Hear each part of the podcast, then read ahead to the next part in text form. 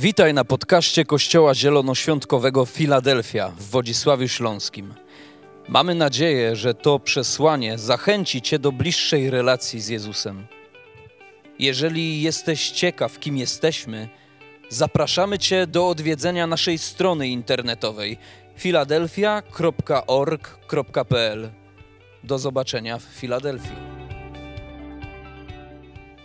Dobrze, moi drodzy, Ojcze nasz, który jesteś w niebie, przez siedem tygodni, dzisiaj jest siódmy tydzień, tak się fajnie złożyło, ja tego nie planowałem. Przez siedem tygodni mieliśmy cykl poświęcony modlitwie pańskiej, czyli modlitwie, której, którą uczył nas sam Pan Jezus Chrystus.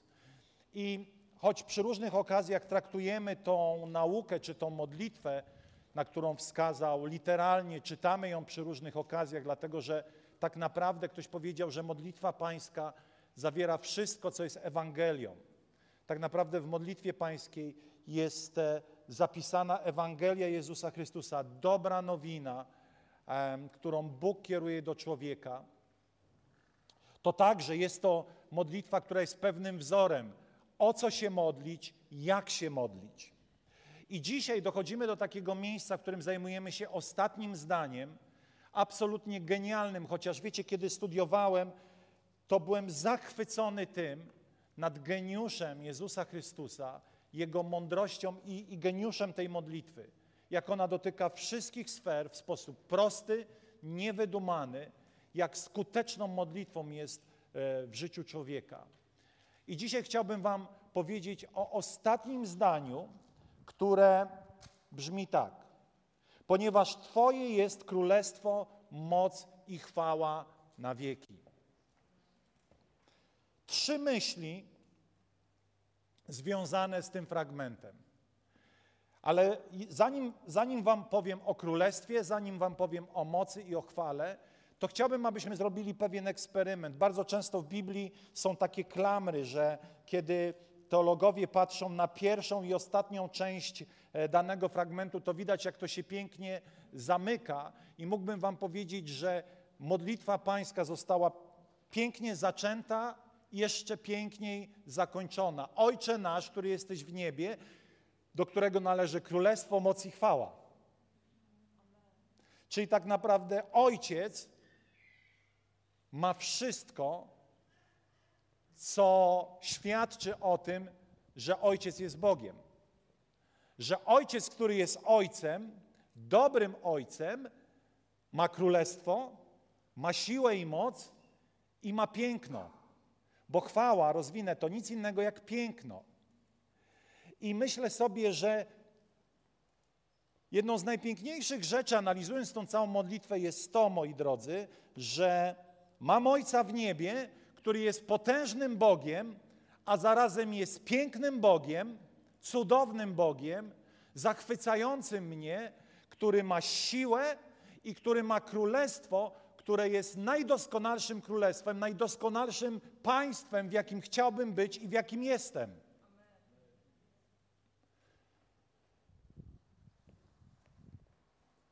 A więc pierwszy i ostatni wiersz tak naprawdę pokazują, że Bóg jest naszym Ojcem, który jest potężnym, który jest cudownym, który jest niezwykłym.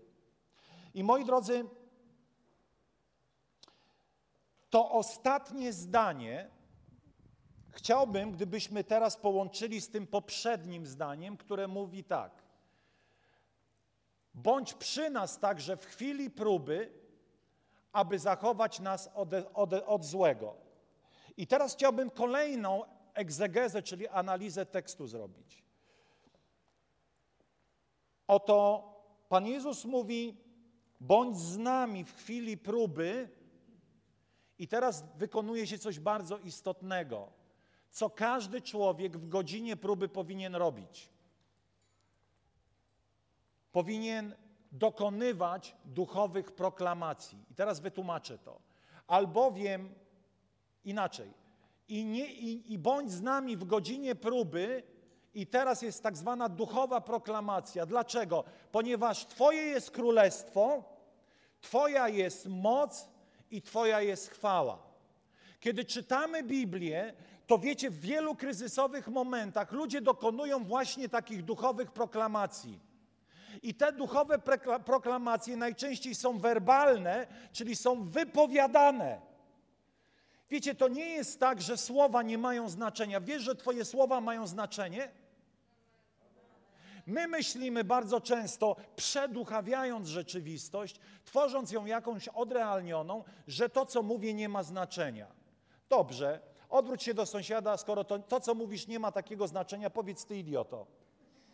Śmiało, śmiało, skoro słowa nie są tak ważne, no powiedz ty, idioto, ty durniu, kretynie. Ha? Myślę, że dla tych, którzy są leniwi, takie duchowe proklamacje nie mają znaczenia, bo im się nie chce, bo nie rozumieją. To, co mówisz, ma znaczenie. Chcecie na to wersety? Miliony, przesadzam, ale dziesiątki wersetów. Na przykład Pan Jezus mówi: Niech wasze tak będzie tak, niech wasze nie będzie nie. A więc, jeżeli deklarujesz coś, to jeśli się zobowiązujesz, to robisz to na serio. Oto jest napisane, że z każdego nieużytecznego słowa będziemy rozliczeni. Słowa są naszym czynem. Dlatego, że Biblia mówi, że oczywiście my nie idziemy na potępienie, ale z dobrych słów otrzymamy nagrodę, ze złych słów nagroda zostanie nam ujęta.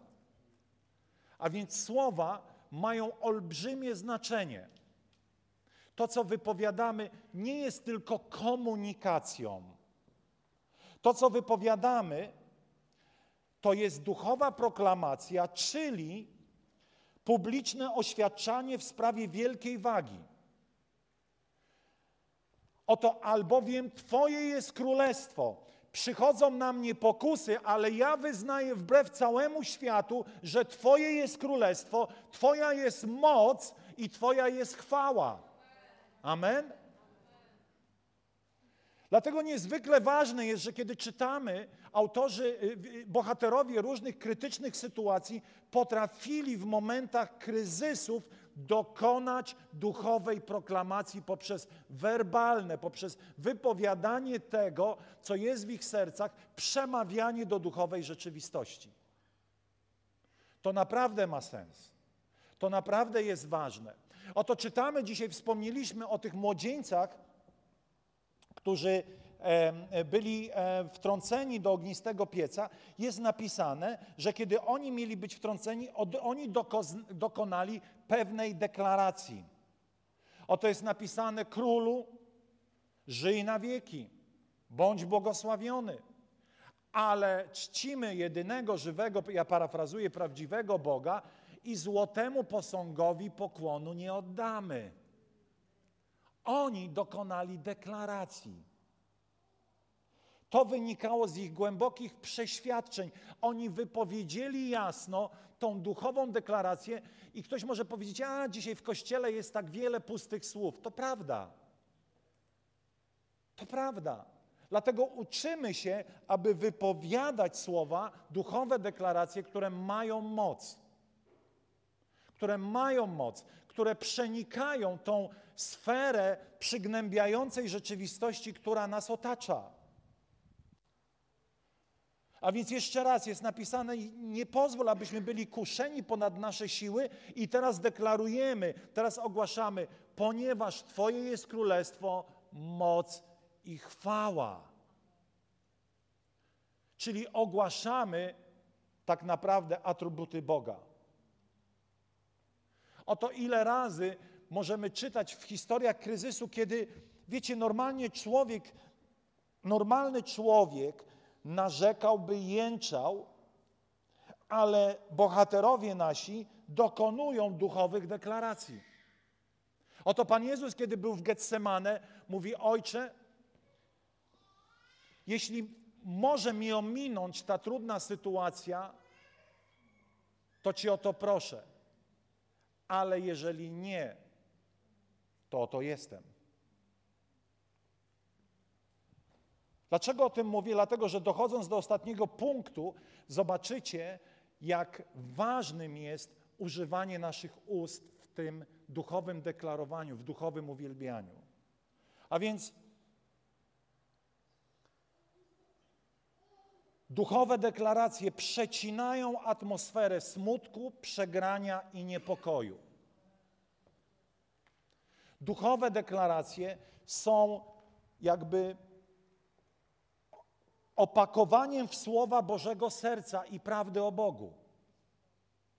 Ponieważ to prawda ma moc, a fałsz próbuje nas okraść z tej prawdy. Dlatego ludzie bardzo często tak bebłają głupoty w swoich ustach. Dziękuję za ten, za ten entuzjazm. Czy rozumiecie, jeszcze raz powiem, czy rozumiecie, że gadanie o złych rzeczach ściąga te gadanie do waszego życia? Jest napisane, to czego się obawiałem przyszło na mnie. Naprawdę tak bardzo chcemy, żeby złe rzeczy dotykały nas. Nie chcemy, ale ponieważ jesteśmy niewolnikami swoich złych deklaracji, to nawet nie słuchamy tego, co mówimy. Mówcie tylko to, co buduje, które sprawia, że na słuchaczy spłynie łaska. A czym jest łaska? Niezasłużoną przychylno, przychylnością. A więc ja chcę wypowiadać rzeczy, ja chcę się tego uczyć, ja walczę z tym w mocy Ducha Świętego, aby wypowiadać rzeczy, które naprawdę sprawiają, że ci, którzy tego słuchają, doświadczają Bożej przychylności. Wszystko, co mówisz, ma sens. Nawet Twoje głupoty, bebłania mają sens. Nawet Twoje złe deklaracje działają.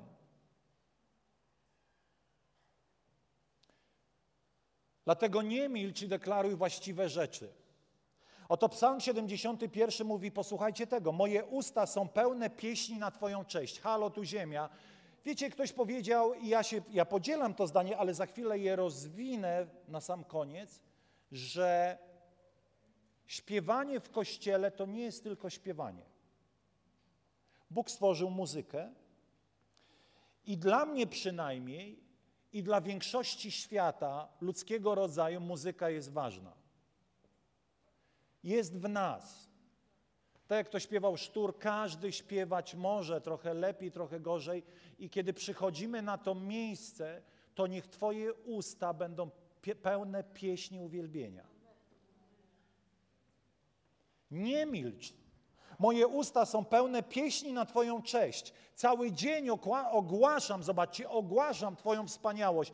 Gdybyśmy tak żyli, to tutaj w niedzielę rano po prostu nie wiem, co by się działo. Pewnie dojdziemy do takiego miejsca, bo jesteśmy w, do, w dobrym miejscu, żeby tak było. Ale kiedy żyjesz ogłaszaniem Bożej dobroci, to to naprawdę zmienia rzeczywistość. Amen. To zmienia rzeczywistość. Psalm 119 mówi, werset 13, swymi wargami ogłaszam wszystkie rozstrzygnięcia Twoich ust. Żywy, żywy Ciebie chwali, sławi, mówi Izajasz, tak jak ja dzisiaj, ojciec dzieciom, ogłaszam Twą wierność. Ogłaszam, jak ją ogłaszam? Właśnie ogłosiłem Twą wierność. Poczekajcie, ogłoszę Jego wierność. Ogłoszone. Nie, Ogłaszam wierność, że mój Bóg jest dobry, że mój Bóg potrafi wszystko, że do Niego należy królestwo, że do Niego należy zwycięstwo, że do Niego należą wszystkie pieniądze świata, nie do diabła, który kłamie, że do Niego wszystko należy. Pańska jest ziemia i to, co napełnia, e, i tak dalej, i tak dalej, że choćbym szedł przez ogień, nie spłonę. To są duchowe deklaracje, to nie są tylko słowa. To nie są tylko słowa, to jest deklarowanie Bożego Słowa. I rzekł Bóg. To nie jest zaklinanie rzeczywistości, ale to jest duchowa deklaracja, proklamacja prawdy o Bogu, Boga i, i, i tego, kim my z nim jest, w Nim jesteśmy. A więc to wyznanie jesteś królem. Królestwo Boga. Trzy rzeczy chciałbym Wam na koniec powiedzieć. Po pierwsze, Twoje jest królestwo. Jeden z polityków kiedyś powiedział, że polskie państwo istnieje tylko teoretycznie. Co on miał na myśli? On miał na myśli, że choć ono istnieje na papierze, choć ono jest ustanowione traktatami, to tak naprawdę to państwo nie ma żadnego, żadnej mocy. E, e, to państwo nie ma żadnej siły, aby troszczyć się o swoich obywateli, aby struktury państwa jego funkcjonowały należycie, aby, nie wiem, armia mogła nas obronić. O tak, jest polskie państwo, ale to państwo jest teoretyczne. Ja uważam, że on trochę przesadził, ale jednak żyjemy w niedoskonałych krajach. Zgadzacie się z tym? To są niedoskonałe królestwa. Królestwa, które jednych traktują lepiej, innych traktują gorzej. Dla jednych w tych królestwach jedni są bardziej uprzywilejowani, inni mniej są uprzywilejowani. I teraz jest to wyznanie, albowiem Twoje jest królestwo. O co chodzi w tym? Chodzi o to, że tak naprawdę to jest jedyne prawdziwe królestwo, które troszczy się o swoich obywateli, chroni swoich obywateli, a król, który jest w tym królestwie królem, prezydentem, premierem, panuje z sercem sługi, jak powiedział Bill Johnson, i służy z sercem króla. Jedyne królestwo, jedyne miejsce, w którym żyje się w sposób doskonały. I wiecie, ja wyczytałem, że Dania jest takim, Dania i Kanada są miejscem szczęśliwości. I e, Duńczycy uważają się najszczęśliwszy e, kraj na świecie, mieszkańcy Danii, a Kanadyjczycy czy Kanada jest uznawana za kraj, w którym e, żyje się najwygodniej. I prawdopodobnie to jest prawda. Natomiast jest jedno królestwo, które jest ponad to wszystko. To Królestwo Boże, które troszczy się o swoich obywateli, które nie czyni różnicy, w którym nie ma korupcji, w którym nie ma egoizmu, w którym nie ma żadnej niedoskonałości. I wiecie, co jest najlepsze? Że to królestwo może się już objawiać pośród nas. Amen. Każdego dnia możemy coraz bardziej doświadczać tego królestwa. I choć ziemia jest niedoskonała, to ja chcę przede wszystkim wierzyć w to królestwo, a nie w to królestwo, w którym dzisiaj mieszkam. I choć kocham to królestwo, w którym mieszkam, to chcę wierzyć w tamto królestwo, aby jak najwięcej tamtego królestwa było tutaj. Amen. I to jest Twoje i moje zadanie, aby jak najwięcej Bożego Królestwa ściągnąć tutaj do Polski. Drażnią mnie chrześcijanie, którzy mówią: Ja na niebo czekam. Dobrze, to czekaj sobie, ale zanim niebo to przyjdzie, to jeszcze będą tutaj mieszkały Twoje dzieci, które potrzebują mieszkać w lepszym kraju. I ściągaj Boże Królestwo, abyś mieszkał w lepszej Polsce. Po drugie, Twoja jest moc. To królestwo Greckie słowo, które używa tego słowa moc, to greckie słowo dunamis, czyli to jest taka moc Ducha Świętego. Bóg ma siłę, Bóg jest skuteczny, a więc kiedy przychodzą te wszystkie kryzysy, to ja robię dobre wyznanie i co mówię? W Tobie jest moc. Jakże żałosnym jest wiele razy, kiedy ludzie tak naprawdę pokładają nadzieję w mocy innych ludzi, instytucji, jakichś zewnętrznych ziemskich rzeczy. I wiecie, kiedy myślę sobie o wielu rzeczach, przez które przeszedłem w życiu, to tak naprawdę na końcu, pomimo że wiecie, Bóg wykorzystywał ludzi, przychylnych ludzi, dobrych ludzi, hojnych ludzi, kochających ludzi, to i tak to wszystko było przejawem Bożej mocy. Wszystko.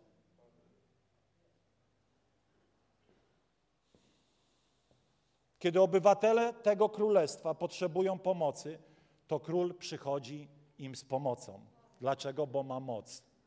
Bo ma moc. Opowiem coś, co tak może się nie nadaje do końca trochę e, online, bo jest takie trochę uuu, ale chciałbym o tym powiedzieć. Kilka razy w życiu, może kilkanaście razy w życiu miałem okazję, a, ja nie wiem jak to powiedzieć, wykonywać egzorcyzm i kiedy przyprowadzano mi osobę dręczoną przez złego ducha, nigdy tego nie ignorujmy, ale z drugiej strony, jak pięknie się wtedy objawia królestwo i moc. To nie jest kwestia, ile wywrzeszczysz decybeli, dramatycznych, charyzmatycznych modlitw, ale kiedy idziesz w autorytecie mocy Bożej, nakazujesz duchom, które posiadły ducha człowieka w sposób spokojny, z autorytetem, aby opuszczały i opuszczają. I sobie myślisz, ale ma moc, o kurczę. To nie jest kwestia, że musisz się nawrzeszczeć. Czasami niektórzy egzorcyści wrzeszczą tak, do piątej rano sąsiedzi potem policję wzywają, co to za ekscesy. Ale chcę Ci pokazać, jak bardzo musimy zrozumieć, jaka moc nas zamieszkuje. Jaka potęga zamieszkuje Ciebie Ta sama moc, która wzbudziła Jezusa z martwych. Zamieszkuje Twoje ciało. Twoje ciało. Twoje ciało.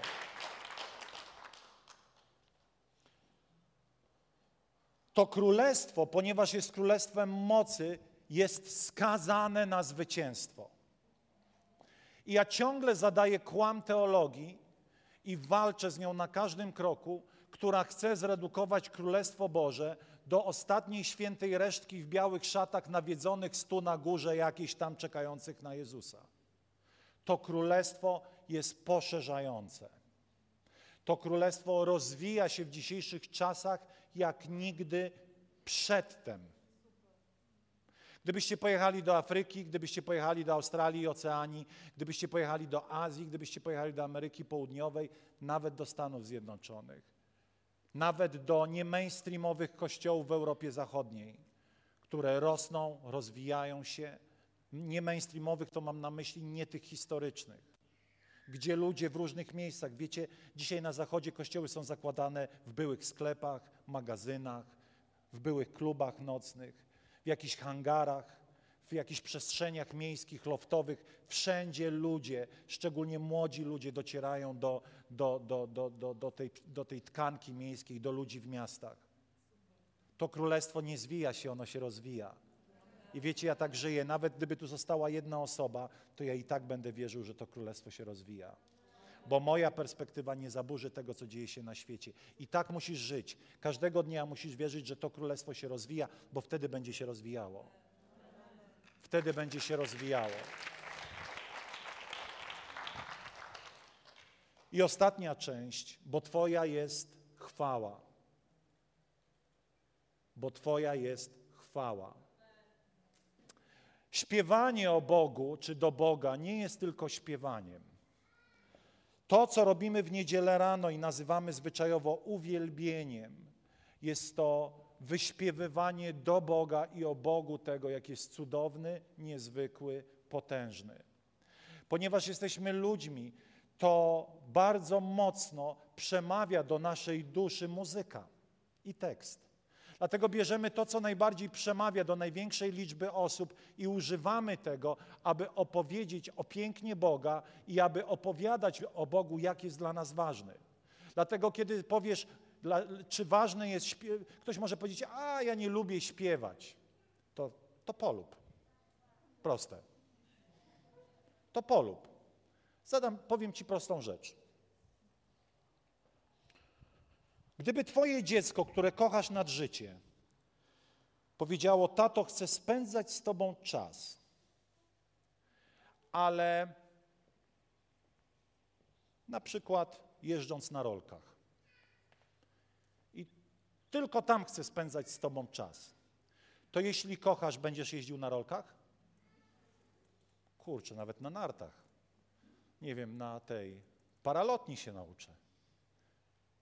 Jesteście ze mną? Jeśli kochasz, to zrobisz wszystko, aby wyrazić swoją miłość. Więc nie opowiadaj mi dyrdymałów o tym, że nie potrafisz śpiewać.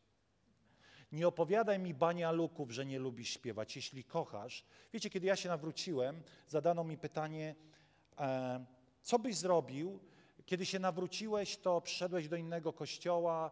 Ja powiedziałem tak, nie przeszkadzało ci to, ja powiedziałem tak, słuchajcie, ja tak byłem spragniony zmiany życia, że nawet jakby mi w worku po ziemniakach kazali po rynku chodzić, to to bym robił. Ponieważ miłość potrafi. A więc jeżeli przychodzę na to miejsce, to chcę w tak najprostszy sposób, najprostszy sposób wyrazić uwielbienie do mojego Boga, jak śpiewanie i będę to robił. Będę to robił. Wiesz dlaczego? Bo w duchowej rzeczywistości Pan Jezus Chrystus przychodzi na to miejsce i jego strasznie męczy to, kiedy, przepraszam za kolokwializm, olewasz to, co tu się dzieje. Nie rozumiesz, że Jezus jest tu. O, za głośno, za cicho, za długo. Nie rozumiesz, co tu się dzieje. Kiedy zrozumiesz, że król królów, pan panów ustanawia sobie tutaj tron, ponieważ przychodzą ludzie pokornie, chcąc się z nim spotkać, to on, on ustanawia tron Bożej obecności i oni się spotykają, a ty nie. Wiesz dlaczego? Dlatego, że w twoim życiu jest e, taka postawa arogancji wobec tego, czy ignorancji wobec tego, co tu się dzieje.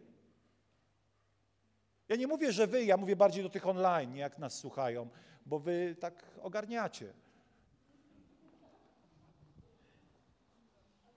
Amen. Amen. Werka, ty szczególnie ogarniasz. A więc, moi drodzy, co ja chcę powiedzieć? Na litość boską, nie, nie redukujmy uwielbienia w niedzielę o poranku, że to jest tylko śpiewanie. To jest, pamiętacie, proklamacja Bożych prawd, ustna proklamacja w formie piosenek. Ja po prostu nie potrafię inaczej, więc śpiewam.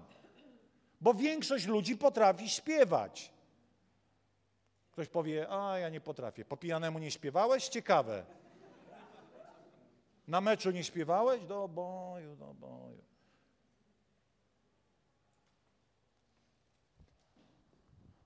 A więc uwielbienie nie jest dla mnie śpiewaniem, jest po prostu branie narzędzia, e, jakby uwielbienie nie jest tylko śpiewaniem, tylko ja wykorzystuję śpiewanie, które większość ludzi rozumie i śpiewam duchowe prawdy oraz wyśpiewuję moją miłość do Boga.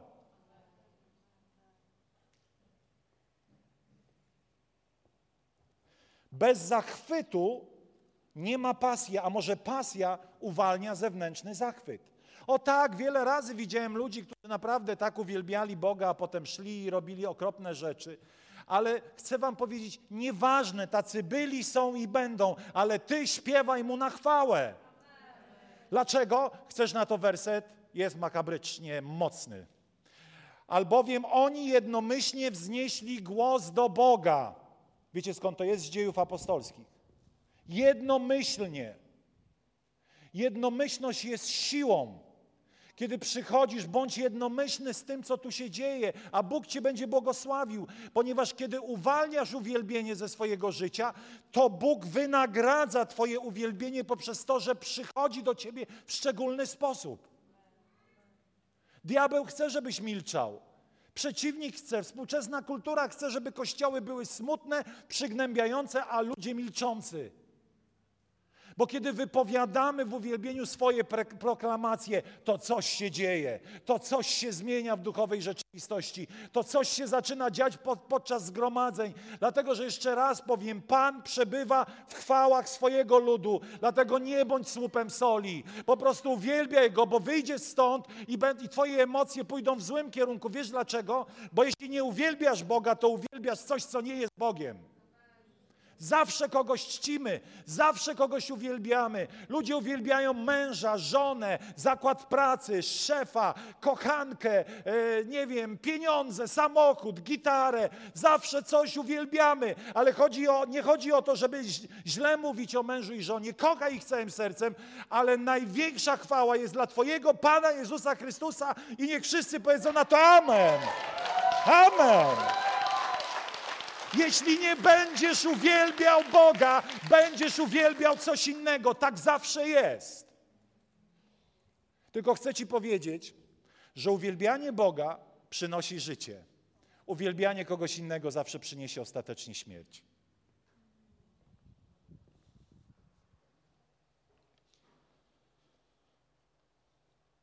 Czy wiecie, czym jest Celebrity Worship Syndrome? Jest to patologiczne, skrajne uwielbianie osób z przestrzeni popkultury, e, różnych celebrytów.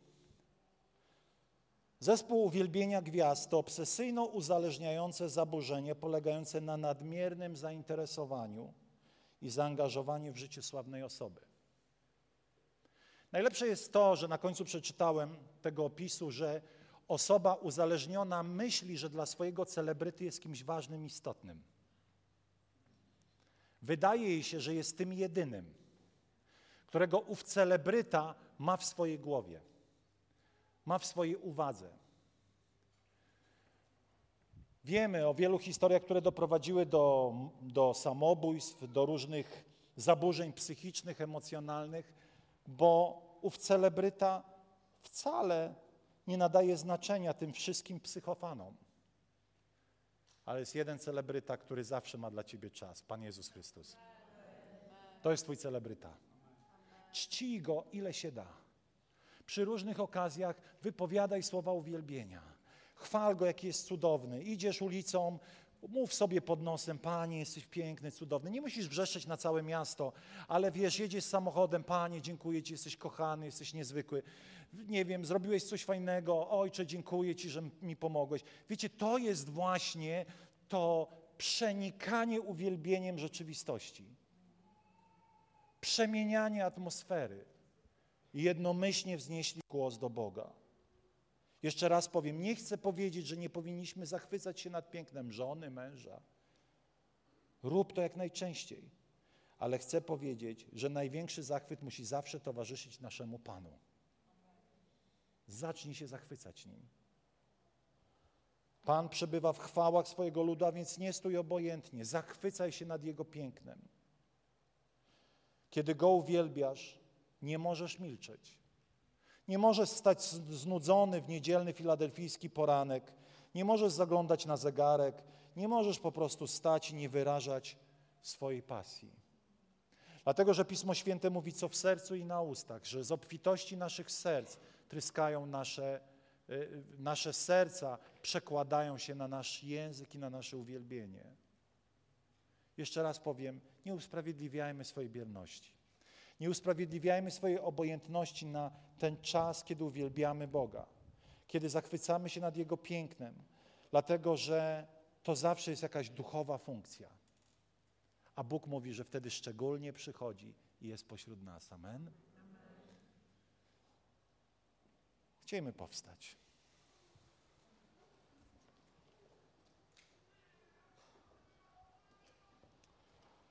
Dlatego zachęcam Was, kiedy przychodzisz tutaj w niedzielny poranek,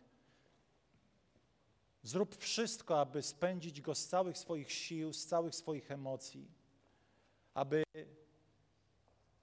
te dobre emocje mogły tu być wyrażone.